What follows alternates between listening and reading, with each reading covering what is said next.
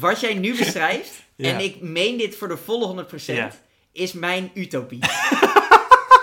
dat er gewoon iemand, iemand naar mij toe komt en die zegt van... Jan Willem, ik weet dat je moeite hebt met keuzes Ja. maken. Ik weet dat het allemaal lastig is.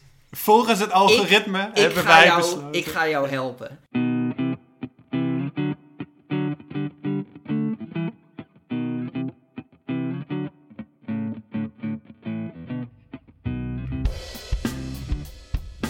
Welkom bij de Voor de Onschuld. Welkom Jamie. Welkom JW. En welkom luisteraar. Hoi. Het woord van deze week is meetlat succes. Ja, en dat kunnen wij natuurlijk als geen ander kunnen wij het daarover hebben. Want omdat wij we zijn zo extreem succesvol zijn. unaniem belachelijk groot succes. Ongelooflijk. Eh, nee, meet, meetlat succes. Het idee is dat je vooral. eh, kijk, iedereen wil succes. Ja. Maar dat je het ook vooral wil op meetbare dingen. Ja. Zodat je het makkelijk aan anderen kunt laten zien, eigenlijk. En het, het is een woord van het Instituut voor Nederlandse Taal. Eh, Ja. Nou, ook wel weer eens leuk. Eh, en zij zeggen van, zij noemen een paar voorbeelden van meetlat succes. Ze zeggen bijvoorbeeld eh, maatschappelijk succes. Eh, dat meet je dan bijvoorbeeld in opleidingen. Dus, dus dan kan je zeggen van, nou, ik heb een masteropleiding, ik heb dat en dat gestudeerd. Die, nou, ehm, of in geld kan je Ja. het ook meten. Je vertelt iets minder vaak je salaris, maar alsnog kun je wel laten zien dat je rijk bent. Dat zijn allemaal heel objectieve, meetbare dingen. Samenlevingen worden ook vaak gemeten in, in die twee. Want als je het bijvoorbeeld hebt over ehm, ja, bruto binnenlands product, dat is meestal hoe we een economie meten en hoe het goed het gaat met een land. Ja. Maar vaak doen we ook, ja, je hebt de Human Development In- Index en daar zit ook onderwijs in. Ja, klopt. Dus Ja. dat zijn onderwijs en, en BBP. Nou, dat is, en dat is op samenlevingsniveau. Dat is denk ik interessant om zo meteen nog even. eh, ja, daar komen we sowieso hebben. nog op terug. Eh, maar het gaat in eerste instantie vooral een persoonlijk niveau. Ja. Dus dat je echt van jezelf eh, zorgt dat je allerlei meetbare successen hebt. Ja. Ze noemen ook bijvoorbeeld sportief succes. Oké. Eigenlijk bijna alle sportieve successen zijn ook heel meetbaar. Dus je kunt, als je bijvoorbeeld iets in een bepaalde tijd doet of een wedstrijd wel of niet wint, eh, ja, dat is gewoon super meetbaar. En ze zeggen ook bijvoorbeeld bij artistiek succes, iets wat eigenlijk inherent wat minder meetbaar is, noemen ze ook dat mensen het vaak toch meetbaar proberen te maken. Ja, Hè, dus ja. bijvoorbeeld, eh, nou ja, onze podcast is een voorbeeld daarvan. Dat is een, een artistieke uiting, iets wat eigenlijk niet echt meetbaar is. Maar als ik tegen mensen vertel van ik heb een podcast, dan is vaak een van de eerste vragen van, oh leuk, hoeveel mensen luisteren Ja, ja. En dat is dan toch weer een, eh, het meetbaar maken van iets wat... eh, overigens vragen veel mensen Ja, ook maar- wel van, hè, waar gaat het over bijvoorbeeld? Ja, en dat is dan weer... weer eh, Dat gaat natuurlijk uiteindelijk ook over engagement. En dan denk ik van ja, oké, we hebben niet superveel luisteraars, maar de luisteraars die we hebben, die zijn heel geëngageerd. die vinden het heel leuk om ook inbreng te Ja, en zo kunnen we ons gebrek aan meetlat succes kunnen we, kunnen we voor onszelf goed praten. Nee, maar je zou ook kunnen zeggen, het gaat überhaupt niet om de luisteraars. Kijk, wij hebben er lol in om het te maken. Ja, ja. Een grapje hoor, luisteraars, het gaat wel om jullie natuurlijk. We zijn super blij dat jullie luisteren. Nee, maar zo kan je in, in verschillende aspecten kan je dus eh, ja, je, je persoonlijke succes meetbaar maken. Of tenminste, dat is dus eigenlijk een beetje de vraag die het oproept. In hoeverre kan je succes meten? Want er zijn ook heel veel persoonlijke dingen ja, die, die juist heel moeilijk te meten zijn. Bijvoorbeeld heel veel mensen, als je het ze vraagt van wat wil je nou eigenlijk, is het bijvoorbeeld gelukkig zijn. Ja, Ja, ja. dat is meteen al een stuk moeilijker meetbaar. ja, Eh, of bijvoorbeeld, eh, als je het vraagt in wat meer schaamteculturen, zullen ze een ander antwoord geven. Hè? Dus dat je eh, zorgt voor het collectief en niet, niet afgaat of zo op een publiek. dat is ook, dat is moeilijk meetbaar. daar is ook een interessante... ehm, je hebt natuurlijk de World Happiness Index. En die lijkt heel objectief. Want dat Ja. gaat uiteindelijk gaat het over één vraag uit een, eh, uit een query. En dat is gewoon van... eh, de vraag is, ben je gelukkig? Of wa- wa- wat voor... Wat op een voor schaal van 1 tot 10. op een schaal van 1 tot 10, welk cijfer zou jij je leven geven? Ja, En wat je dan eigenlijk ziet is... Japan, ondanks dat daar een hele hoge eh, eh, ja, quality of life is, hele hoge Mhm. levenskwaliteit is. economisch en meetbaar gezien. Ja, ja, zie je dat ze altijd vrij laag, lage cijfers geven. Mm. En in Finland is bijvoorbeeld een land met is een ontzettend rijk land, maar tegelijkertijd een land met een heel hoog zelfmoordpercentage. En dan zie je eigenlijk altijd dat zij altijd meestal de top drie zijn van gelukkigste landen. ja, ja. Terwijl Dus- ze wel zichzelf massaal van kant maken. Ik bedoel van, er zit wel heel erg een cultureel aspect aan, eh, aan geluk, zeg maar. En, Ja. en, hoe je dat, en hoe je dat meet. En dat kan ik ook wel uit ervaring, kan ik dat ook wel zeggen, dat bijvoorbeeld een land als Hongarije, dat zelfs als mensen ehm, eh, objectief heel veel dingen behalen, dat ze alsnog zouden zeggen van, uh, ja, mijn leven is ruk, want dit of dit of dit. Ja, Jezelf precies. eigenlijk tegenwerken. Dat zit en, is en ook het hangt ook heel erg af van de vraagstelling. Ja, die zal over de tijd wel hetzelfde zijn. Maar als je bijvoorbeeld... Mm. Je zei net iets van hoe blij ben je met je leven of Hoe zo? gelukkig ben jij met je leven maar een schaal van 1 tot 10? Hoe, hoe gelukkig voel jij je, is een heel andere vraag dan hoe blij ben je met je leven. En je Ja, hebt bijvoorbeeld de uitspraak van eh, John Green. I had a very happy childhood. I just wasn't a very happy child. Erg mooie Oh, dat is uitspraak. een mooie uitspraak. Ja. Maar dat is wel heel typisch. Kijk, je kunt van jezelf denken van... ik heb best wel een goed leven. ja. Waarom voel ik me dan toch de hele tijd zo ellendig? Ja. En als je aan zo iemand vraagt van... hé, hey, wat... eh, ja, ben je blij met je leven? Zal diegene misschien ja zeggen. Maar als je vraagt hoe gelukkig ben je, zal die nee zeggen. Maar het kan natuurlijk ook dat de een het gevoel heeft van gelukkig kan content betekenen. En dan Ja. denk ik van ja, weet je, content denk ik van nou, weet je, ik heb een huis, ik heb een auto, ik heb Ja. een hond. Ik ben content op papier, maar in werkelijkheid, ik bedoel van ik zou niet zeggen dat iedere dag voor mij een tien is. Dat is ook een, Ja, Ja, dus dat maakt... Ja, dus het Ja. klinkt heel objectief, maar... En dit is dan nog het, het meest objectieve eigenlijk wat je kunt doen als het, als het om geluk om geluk gaat. gaat. Ja. En, en met andere dingen die wel heel belangrijk zijn. Ja, eigenlijk vaak de belangrijkste dingen zijn juist heel moeilijk meetbaar. Ook als het om succes gaat.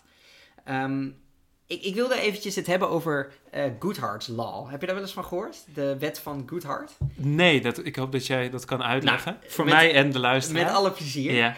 Eh, wat Goodhart eh, zegt is... Zodra je iets gaat gebruiken om het te meten en erop te sturen...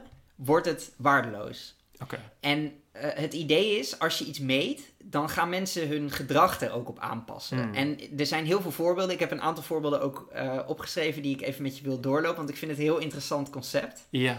Ehm, en de eerste is, eh, en dat maakt het denk ik meteen duidelijk over wat voor dingen het gaat. Bijvoorbeeld het aantal publicaties voor wetenschappers. Ja. Kijk, in principe is dat heel logisch. Je kijkt naar de wereld en je denkt van ja, wat zijn nou goede wetenschappers, wat niet. En... Sterker nog, ook universiteits ehm, eh, rankings worden ook Ja. bepaald op basis van het aantal het publicaties, aantal publicaties. dat een universiteit heeft. En het was bij mij zo toen ik op de universiteit zat. eh, toen was, zag je eigenlijk al de omslag. Mhm. En ze waren een heleboel. eh, ze hebben toen alle docenten hadden ze het toen al uitgegooid. Alle docenten die alleen doseerden. Ja, Dus want ze, wat ze wilden was dus per faculteitsmedewerker. Wilden ze dus zoveel mogelijk publicaties hebben. Ja. Dus je nam eigenlijk alleen maar nog onderzoekers aan die tegelijkertijd moesten doseren. ja. En dat, Dus, dus dat is eigenlijk ja, probleem nummer één, hè, dat je niet de volledige werkelijkheid meet. Ja. En als je stuurt op iets wat een deel van de werkelijkheid is, namelijk alleen maar onderzoek en niet onderwijs, Ja. dan zal het andere onderwijs zal dan verwaarloosd worden. Ja. En een ander probleem is ook binnen publicaties. Kijk, je gaat ervan uit dat al die publicaties een beetje nou, even goed zijn, of misschien dat het aantal publicaties niet correleert met Ja. de kwaliteit. Maar als je, zodra je zegt van jongens, we gaan vanaf nu dit belangrijk vinden met z'n allen, ja, dan gaan mensen natuurlijk zorgen dat ze veel publicaties hebben. En dan gaat de kwaliteit ook omlaag. Ja. Dus dan krijg je wetenschappers die hun publicaties opknippen in, in drie of vier delen, zodat het vier publicaties worden in plaats van één. Ja, dat zegt verder weinig over een wetenschappelijk onderzoek, maar het is wel vier keer zo hoog scoren. Dus allemaal van dat soort effecten krijg je dan. Een, een ander effect dat ook nog is. ehm, eh, het, het is ook een soort van. Het, het is ook iets dat zichzelf heel erg in stand houdt. Mhm. Want als jij het hebt over, laat ik zeggen, een Harvard. Harvard is natuurlijk een van de hoogst gewaardeerde universiteiten ter wereld. Die staat altijd heel erg hoog in die ranglijsten. Ja, Ehm, het ding is van als Harvard, als jij een onderzoeker bent aan Harvard en jij stuurt eh, jouw onderzoek op voor publicatie. Je wordt eigenlijk Ja. altijd wordt jij aangenomen. en de reden daarvoor is dat jij zit het komt natuurlijk. van Harvard. Het komt van de hoogst, een van de hoogst, eh, eh, een van de universiteiten die het hoogst in de ranglijst Ja. staat. Maar dat houdt zichzelf natuurlijk in stand. ja, Want hebt, het is makkelijker voor jou om te publiceren. Als gevolg daarvan kun je meer publiceren. Als gevolg daarvan blijf jij hoger staan in de ranglijsten. Het is gewoon een, een soort cirkel. Het is een vicieuze cirkel geworden. Ja, ja, inderdaad. Ja, dus dat, is, eh, dat vind ik een interessant voorbeeld. Het volgende voorbeeld is, is iets eh, exotischer. Dat zou je wel grappig vinden, denk ik. Dat is het Cobra-effect. Er is ook een effect naar vernoemd. Eh, dit ging over... ehm, eh, in India was een cobra-plaag. was best wel een probleem met cobra's. En op een gegeven moment is toen gezegd van... Oké, per dode cobra die je inlevert, krijg je geld. Want ze wilden dat gewoon iedereen op cobra's ging jagen. Kan je bedenken wat er toen gebeurde? Mensen gingen cobra's kweken. Exact. Ja, kijk, jij bent al slimmer dan, dan de mensen die het bedacht hebben. Het ging wel even goed. Aan het begin was er echt een, een best wel een drop. Maar op een gegeven moment waren er inderdaad mensen die cobra's gingen kweken. En, op moment, en daardoor dachten ze, oké, laat maar zitten, dit beleid, dit werkt niet. Toen hebben ze gezegd, oké, vanaf nu geen geld meer Maar die gekweekte cobra's had je nog. En toen werden al die gekweekte cobra's vrijgelaten. en toen hadden ze een huge cobra-probleem. Dus dit was juist eigenlijk het tegenovergestelde effect van wat ze, wat ze wilden bereiken. En het Cobra-effect uh, is een, een soort van extreem geval van Goodhart's Law. Waarbij dus uh, niet alleen de, uh, hetgene wat je probeert te meten waardeloos wordt, maar waar het zelfs negatieve effecten. Dus waar het mensen beloont voor precies het tegenovergestelde van wat je wil doen. En dat zie je ook vaker. Um, ook een leuk voorbeeld: beschermde diersoorten. Er zijn heel veel diersoorten die met uitsterven bedreigd worden maar waarvan niet helemaal duidelijk is of ze nou al uitgestorven zijn of niet. En ja, ik had daar dus eigenlijk nooit echt over nagedacht. Maar het is niet zo makkelijk vast te stellen of een dier is uitgestorven. Het enige wat je kunt, kunt vaststellen is, we hebben dit dier al een hele tijd niet gezien. Maar het, kon, het is wel eens voorgekomen dat een dier waarvan gedacht werd van dit is uitgestorven, dat het dan toch weer terugkwam.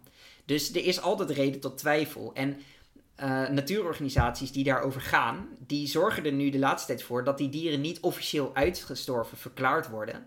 Want dan houden alle maatregelen op. Dus als bepaalde bossen beschermd worden, omdat er dus gezegd wordt van ja, daar leeft een diersoort die bijna is uitgestorven, dan willen ze dat ook in stand houden. En dan is zo'n dier al 20, 30, soms 40 jaar niet meer gespot. Maar dan zeggen ze toch van ja, nou, we weten het niet zeker. want niemand durft te zeggen van jongens, ik denk dat hij nu wel is uitgestorven. Want dan komt er altijd een overheid langs die zegt van nou, kap dat hele bos dan ook maar, laat dat maar. dus dat is ook een voorbeeld van iets wat je wil meten.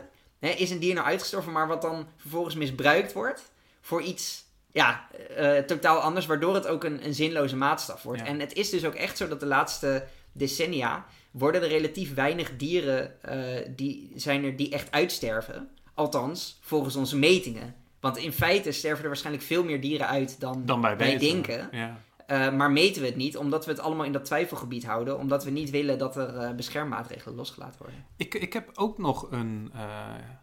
ja, ik heb, ik heb ook nog een voorbeeld dat waarschijnlijk past bij Goodhart's Law. Ja. Ja. Um, je hebt natuurlijk tijdens de Vietnamoorlog je had de minister van Defensie destijds, dat was Robert S. McNamara. Ja. Die S die stond voor... voor niks, denk ik, net als bij Harry S. Truman? Nee, die stond voor Strange. Robert Strange McNamara. Vette naam. En uh, Robert Strange McNamara, die was, um, daarvoor is hij, uh, uh, heeft hij met name in de autobranche heeft hij gezeten. Hij heeft heel veel goede dingen daar gedaan, heel veel levens gered.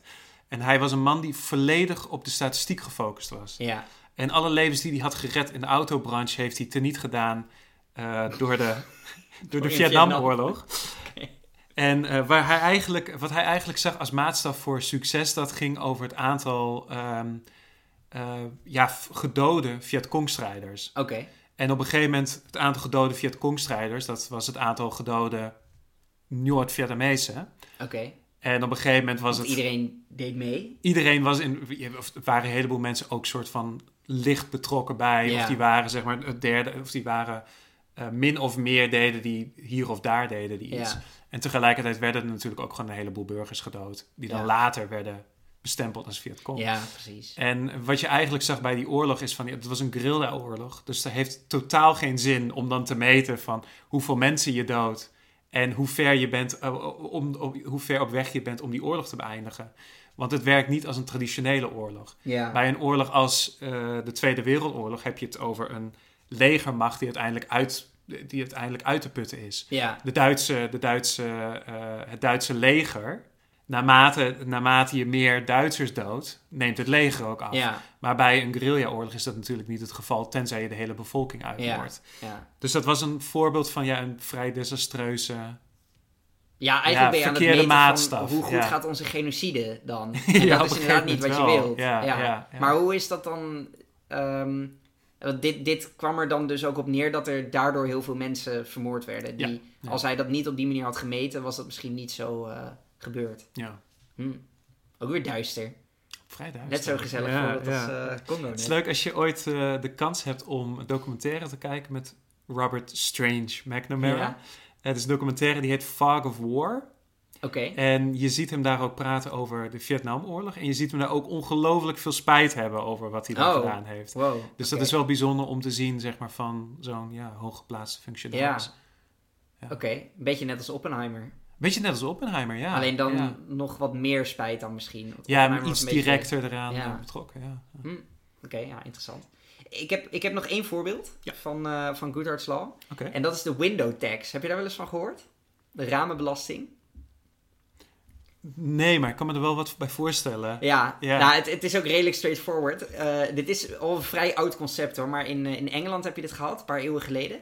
Daar wilden ze eigenlijk een soort van, ja, wat we hier ook hebben, rijke mensen meer geld laten betalen dan arme mensen. Alleen het werd op dat moment nog wel heel erg als een invasion of privacy gezien om echt eh, loongegevens of, of bezit of zo in te kijken als overheid. Ja. Dus wat ze zeiden is eigenlijk, oké, een groter huis is rijker.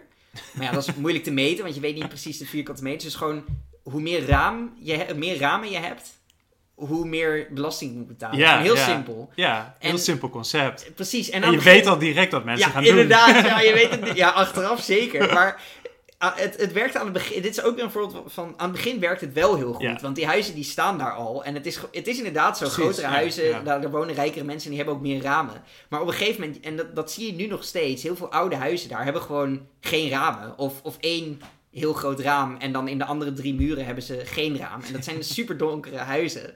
Want je weet gewoon van ja, ik kan wel een raam in dit huis plaatsen. Maar dan ben ik gewoon vet veel knaken. Ja, ja, ja. Dus ja, dat, dat is iets wat helemaal... En wat ook echt een beetje wordt, eh, wordt genoemd als het schoolvoorbeeld Of je van kunt een skylight installeren, want een skylight kan niemand zien. Van buitenaf in Ja, ieder nu geval. wel, Ja, maar toen niet inderdaad. ja. Nee, maar dit wordt ook echt een beetje gezien als zeg maar, het schoolvoorbeeld van, een, van hoe je niet je belastingwetgeving Ja, moet, ja. moet vormgeven. Verkeerde wel maatstaf voor succes. Ja, inderdaad. Ja. Ja, aantal ramen. Ehm, kunnen we het ook nog even over GDP hebben? Ja, Want jij bent je geen... noemde hem net al eventjes. Eh, dan hebben we het dus niet meer over het persoonlijke eh, succes, maar meer over het succes van een land of een, een samenleving. Eh, en dan met name het economische succes. Ja. Ehm, maar GDP wordt wel bekritiseerd ja, omdat het eigenlijk niet helemaal volledig is. Dus je, je meet heel erg economische dingen. Ja. Dat is best wel belangrijk.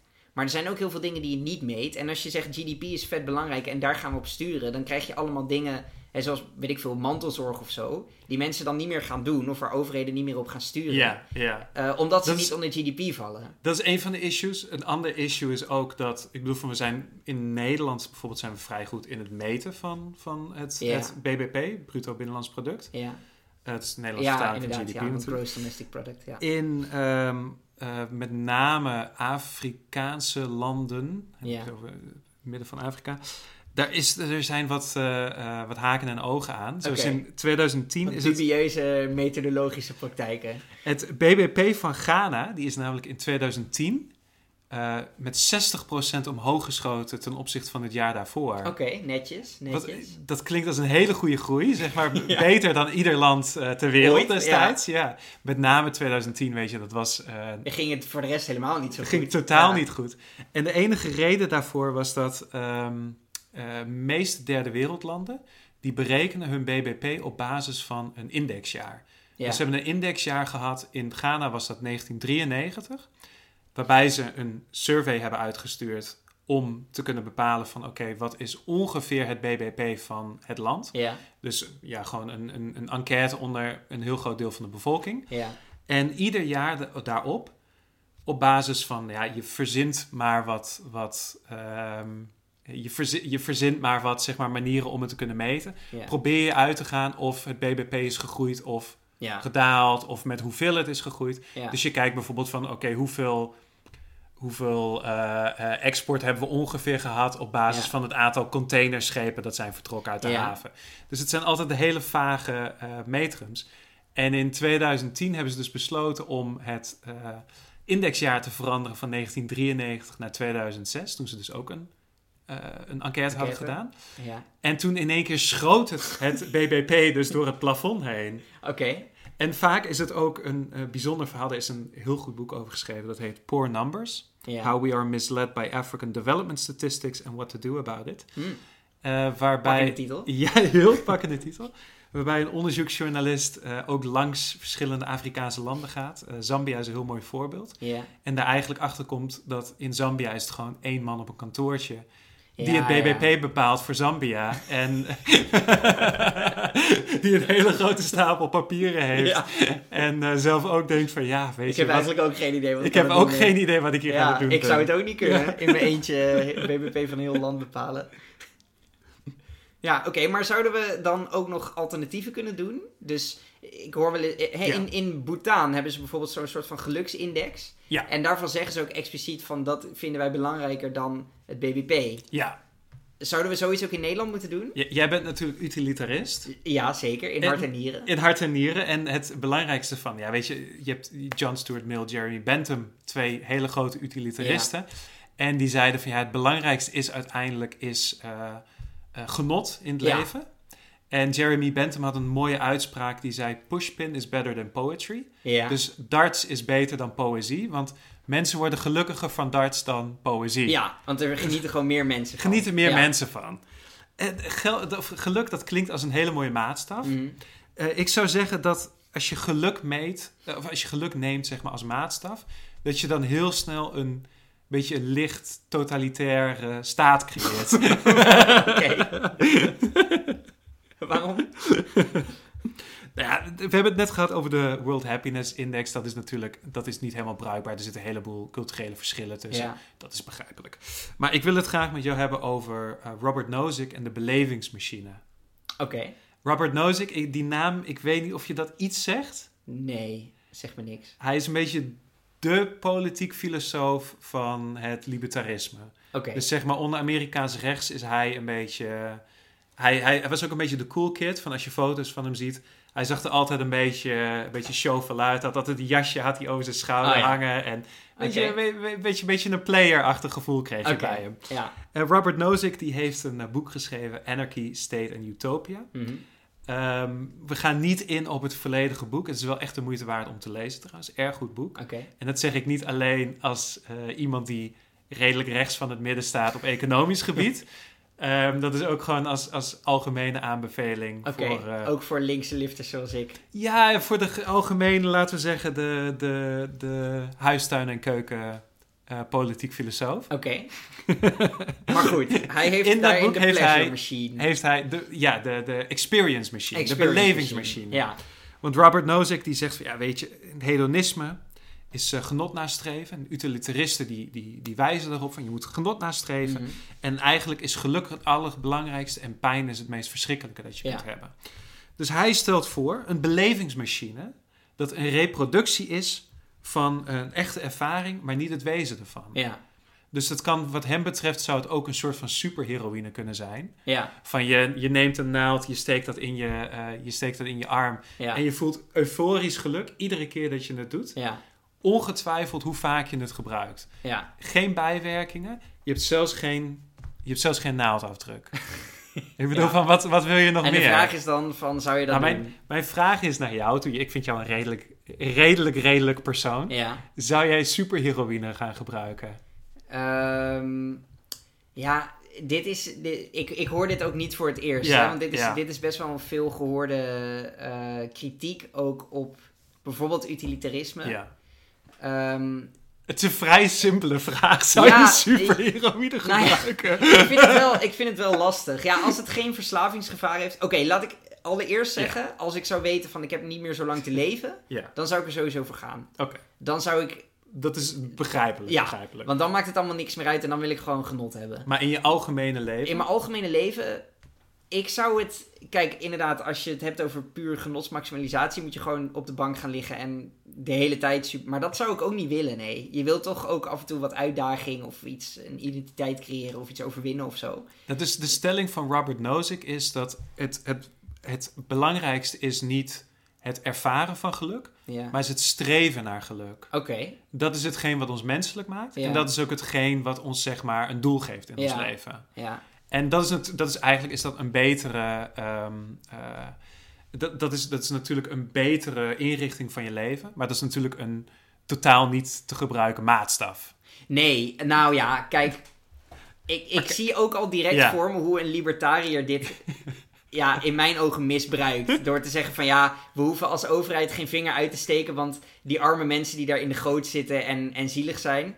Die streven tenminste wel naar geluk. Ja, hè? nou. En als wij ze helpen, dan, dan nemen we alleen maar dat streven naar geluk van ze af. En dan, dan nemen we juist de menselijkheid van ze af. En zo kan je hè, lekker achterover gaan leunen en zeggen van... Jongens, allemaal streven naar geluk. Ik zit hier, ik doe Nou, niks. ik, ik zou zel- zelfs nog, ik zou durven zeggen van, van ik, ik ga volledig de andere kant op. En ik Ja. zou durven zeggen van een, ma- een samenleving waarin de overheid actief probeert het geluk te bevorderen Ja, van, van haar bewoners. En dat dat uiteindelijk de maatstaf is, de Ja. belangrijkste maatstaf. ja. Dat zou een totalitaire staat worden, uiteindelijk. Want dan heb je een, op een gegeven moment heb je een geval van... stel je voor, jij zit lekker thuis... Jij bent aan het werk, want je, je doet, oké, jij doet geen home office, maar laten we zeggen, voor dit geval doe jij home office.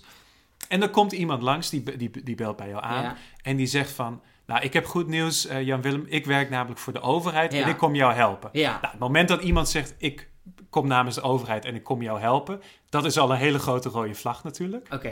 Dat- dat is al. dan, moet je, dan moet je al oppassen. Maar die zegt van Jan Willem, weet je, van eh, wij hebben een algoritme, we hebben een heel uitgebreid algoritme. En iemand met, met jou, precies jouw jouw profiel, we zijn erachter gekomen dat hij 99% gelukkiger is Ja. in een andere baan. Ja. Dus wij hebben voor jou hebben we specifiek een baan uitgekozen waarbij jouw geluk omhoog zou Ja. gaan. Ja, Jamie... Ik bedoel van, van, van, zou jij dat daadwerkelijk willen? Want ik zou zeggen van, van ik, ik, ik, ik zie mezelf niet altijd, maar ik zie mezelf vaak als een redelijk persoon. En ik zou zeggen van, dat klinkt mij verschrikkelijk. Het klinkt mij verschrikkelijk als je op die manier een samenleving Ja. inricht. Jamie, ik, ik, Ja, ik heb dit voorbeeld vaker van jou gehoord. ja, Althans, in iets andere vorm. Ja. Maar in ieder geval degene die aanklopt en zegt... ik kom jou helpen namens de overheid. Jij bedoelt dit altijd als een dystopie. Wat jij nu beschrijft... Ja. en ik meen dit voor de volle 100%... Ja. is mijn utopie. dat er gewoon iemand, iemand naar mij toe komt... en die zegt van... Jan Willem, ik weet dat je moeite hebt met keuzes maken. Ja. Ik weet dat het allemaal lastig is. Volgens het algoritme Ik hebben ga, wij jou, besloten. ik ga jou helpen. En ik moet er wel bij vermelden, het moet niet bindend zijn. Dus Ja. die, als zij mij een, een voorstel doen voor een superleuke baan... En ze zeggen van, als je wil, kan je hier tekenen en kan je volgende maand aan de slag. Ja, geweldig. Ik wil niet dat ze komen en zeggen, Jan-Willem, jij moet deze baan doen. Maar als, het, als, het, als het wel bindend zou zijn, als Ja. het wel bindend zou zijn, maar Dan juist is het. Maar juist het feit dat het bindend is, zorgt ervoor dat in 99% van de gevallen iemand van jouw profiel Ja. gelukkiger wordt in een andere baan. 1% van de gevallen Ja, natuurlijk niet. Van, zou je dan niet zeggen van, van, van, van eh, oh, dit kan ik alsnog, kan ik dit omarmen, dit systeem? Als het bindend is, zou ik erover Ja. moeten twijfelen. Maar ik zou ook niet weten waarom je dat per se zou moeten doen. Kijk, Hmm. dit, dit wordt vaak... Ja, we, Ik had oprecht niet beetje- verwacht dat je zou zeggen van, oh, dit is wat ik ja, wil. dit is fantastisch. Iemand die je gewoon helpt bij je keuzes en, en je probeert gelukkig te maken. Dat klinkt echt geweldig. Ik, waarom zou je dat niet willen? Het klinkt mij verschrikkelijk. Nee, Nou. van, ik wil zelf zeg maar mijn geluk nastreven. ja, Daar ik gaat ook. het om. Ja, maar dat kan Van- toch ook wel als van- iemand je een supergoeie baantip geeft? Nee, niet, niet als Want- van wat wij, jij wij, weten, zegt, wij weten nu het werk dat jij kunt vinden. Waarmee Ja. jij, als je dat werk aanneemt, dan ben je gelukkiger in je werk. Dan ik van, dat is niet wat ik wil. Nu ga ik iets Wat heel ik wil flauws is- zeggen, Jamie. ja. Maar wat jij, wat jij nu beschrijft, wat de overheid Ja, in jouw ogen absoluut niet zou moeten doen. Dat besteden we op dit moment natuurlijk uit aan bedrijven. Ja. Want nu is LinkedIn degene die naar mij toe komt en zegt van... Jan Willem, ik heb een goede baan voor je. Ik krijg letterlijk e-mails van LinkedIn waarin Ja. ze zeggen... Dit is een goede baan voor jou. ja, we hebben de Dan, nu hebben we het over banen. baan voor jou. Als we het over Ja. vriendinnen hebben, of partners... dan hebben we het over andere bedrijven. Maar het zijn ook, als het gaat over hoe vul ik mijn vrije tijd in... Google, YouTube. Maar als het- als ik, welk, in welk restaurant wil ik eten? Google ge- geeft mij actief... Stuur die berichten Maar als- toe. stel en, je- nee, nee. nee, nee. en dan zou ik zeggen, dan heb ik liever de overheid die dat doet. Ik weet dat de overheid niet perfect is, hè. Ik ben daar Ja, ja, niet ja, heel eh, naïef in of zo. Maar de overheid heeft in ieder geval nog een soort van algemeen belang en een democratische legitimiteit. Terwijl die bedrijven, die zijn er alleen maar voor hun eigen belang en die willen geld daarmee verdienen. Stel, je bent 18 jaar. Oké, Je bent 18 jaar. Je, je, je, je, wil, je wil naar de universiteit gaan. En dan komt iemand aan de deur en die zegt...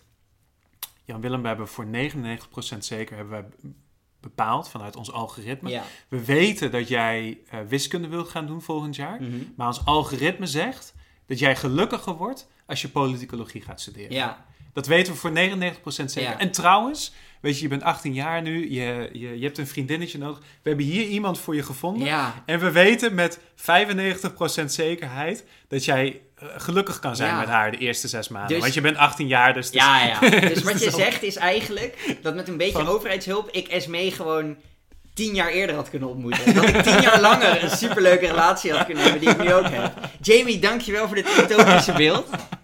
Ik, ik denk dat dit we niet helemaal eens goed. gaan worden.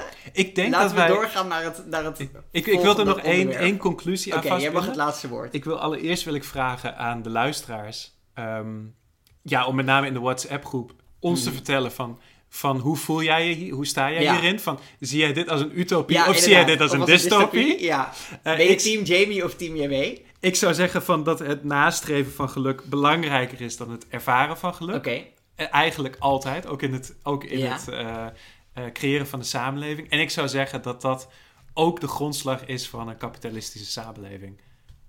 Oké. ja, dat. Ja, oké. Okay. Eh, hey, ik heb ook nog een paar. Uh, of, Laat het ons weten. ja, laten we even doorgaan naar de.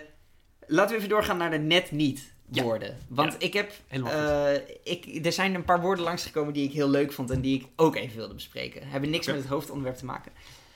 Het eerste is het volle treinprincipe.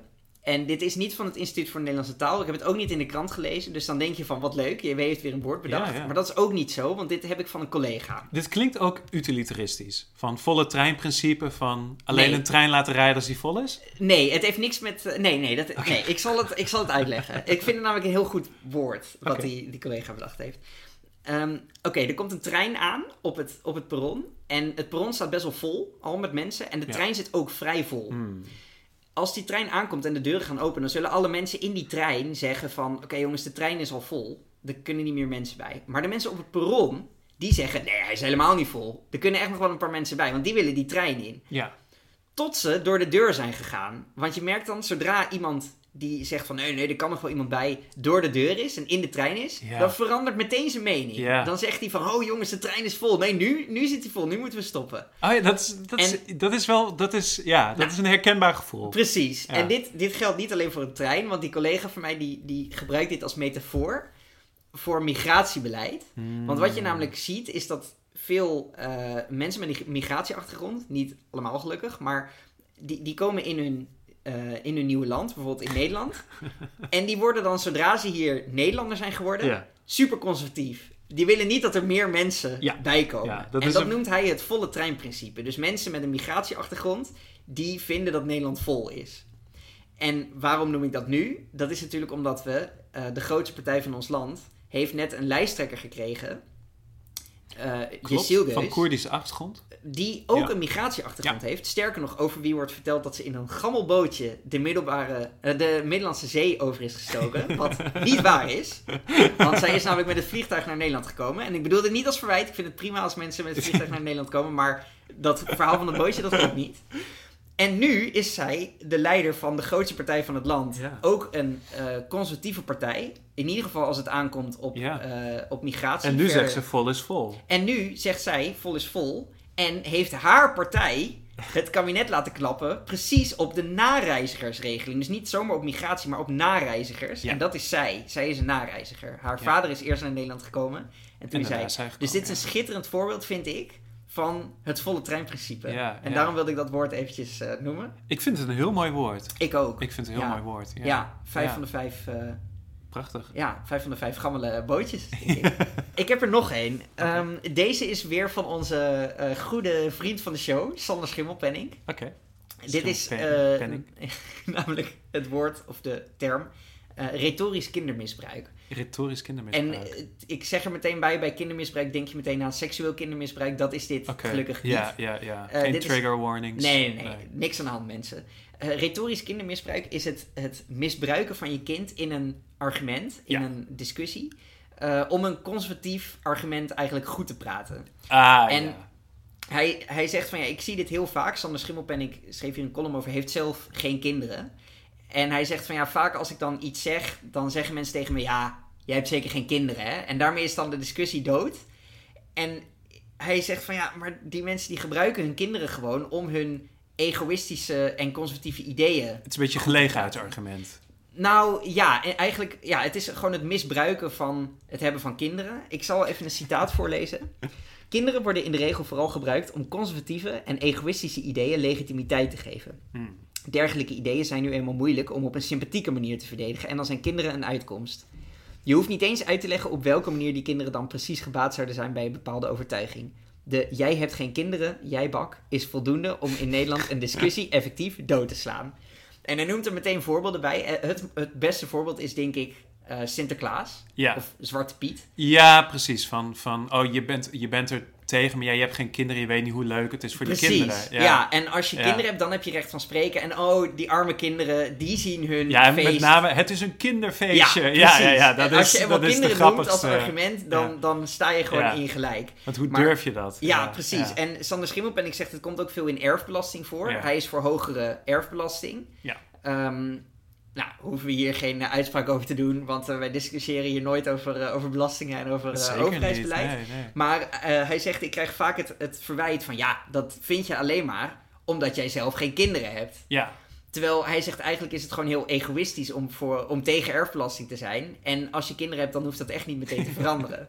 een ander voorbeeld wat ik laatst langs hoorde komen, en ik ben blij dat ik hier niet bij was, maar een vriend van me die vertelde over een collega van hem. Die heeft een, een auto. Ook al Zo. iets. Nou, Nou. inderdaad. Maar het gaat nog verder. Zo, ik, het gaat nog verder, Nou, want, want- ik heb ook een auto. Precies, nee, maar het hebben van een auto wordt vaak ook al goed gepraat met het feit van ja, maar ik heb kinderen. Ja. Maar deze gast, die, die had een zo zwaar mogelijke auto gekocht. Een Ja. grote, zware, volgens mij een Tesla of iets anders. Wat, want hij zei, als ik in een botsing kom, dan wil ik de zwaarste auto hebben. Mm. En als ik dat hoor, dan denk ik van, wow, je bent echt een lul. Nou, je bent echt een psychopaat. Nou, inderdaad. maar hij voegde er meteen aan toe, want ja, ik heb ook kinderen, die zitten op de achterbank.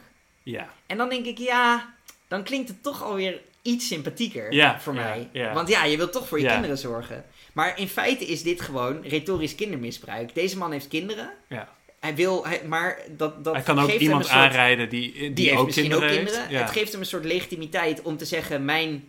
Nou, hij zegt niet, ik ben belangrijker dan andere mensen. Maar wel, mijn gezin is belangrijker dan andere gezinnen. Ja. Dus ik mag in een zo zwaar mogelijke auto zitten. Ook al zorgt dat ervoor dat het voor andere mensen onveiliger is. Nou, vind ik ook een mooi voorbeeld van Retorisch kindermisbruik. kindermisbruik. Nou, mooi, ja. Eh, tot zover retorisch kindermisbruik. Ja. Volgens mij kunnen we door naar de limericks, toch? Ik, ik denk het ook. Dan grijpen we weer terug op meetlat succes. Nou, ik bedoel van dan grijpen terug op meetlat succes als in van... Als je gaat meten op basis van het aantal limericks... Als je meet het, het aantal limericks meet, dan was onze vorige aflevering over Een Barbenheimer groot een succes. zeer groot succes. Ja. En deze is een minder groot succes. Ja, en... Want ik heb twee limericks. Ja. En jij? Ehm, Eh, ja, laten we, laten we nou niet zeg maar... Weet je, van... We van- het niet zo meetbaar maken. Nee, we kijken nee, gewoon hoeveel nee. limericks er komen. Ja, Oké. ja. Een groepje van Oosterse gasten zit onze cultuur aan te tasten. Dus verhogen we wijs de noedelsoepprijs. We zullen hun ramen belasten. Oh! Ja. Ik ben er best, best trots op eigenlijk. Ja, die is echt heel mooi. Ik heb er nog één. Er was eens een dame uit Essen. Die mat permanent haar successen. Haar stress werd verzwaard, maar dat was het waard. Want ze kon haar omgeving impressen. Netjes? Dank je. Heel netjes. Wat vind je van het woord, Jamie? Meetlat succes. Meetlat succes. ja, ik was er eerst niet over uit, zeg maar, toen ik het eerst zag van wat het zou betekenen. Mhm. Ehm, het is weer natuurlijk samengevoegd woord, dat is altijd Ja. zowat het geval. Ehm, het rolt niet super lekker van de tong. En tegelijkertijd, ik, heb, ik vind het zo'n, ja, weet je wel, zo'n moi woord. ik heb er geen goed of slecht gevoel over. Oké, Ja. dus? Dus ik zou zeggen ja, twee van de vijf eh, ambtenaren in Zambia die, die het BBP meten. Alleen dat is al meer dan er dan dat is al meer dan er zijn. Ja. Oh, laten we zeggen Zambia en, eh, en Ghana. Oké, Ja. ja. Ja, ik, het woord maakt mij niet super warm of koud. Een Ja. beetje ge- gemiddeld woord. Het rolt niet echt lekker van de tong. Ik dacht wel meteen toen ik het zag, van oh chill, hier kunnen we echt makkelijk een aflevering over Ja, vol praten. ja. En dat is zeker gelukt ook. Ja. En want als ik even het succes van deze aflevering afmeet aan het aantal minuten dat we nu hebben opgenomen, nou dan eh, is het ook een zeer succesvolle aflevering. Eh, maar ik ga, ik ga gewoon een beetje in het midden zitten. Ik ga voor drie van de vijf ehm, raamloze muren in een Engels huis. Wauw. Ja. Ehm, nou, dat was hem. dank voor het luisteren. Steek even dat duimpje omhoog. vertel je, je ouders dat, ze, dat je van ze houdt. En tot de volgende keer. Tot de volgende keer. Doei doei.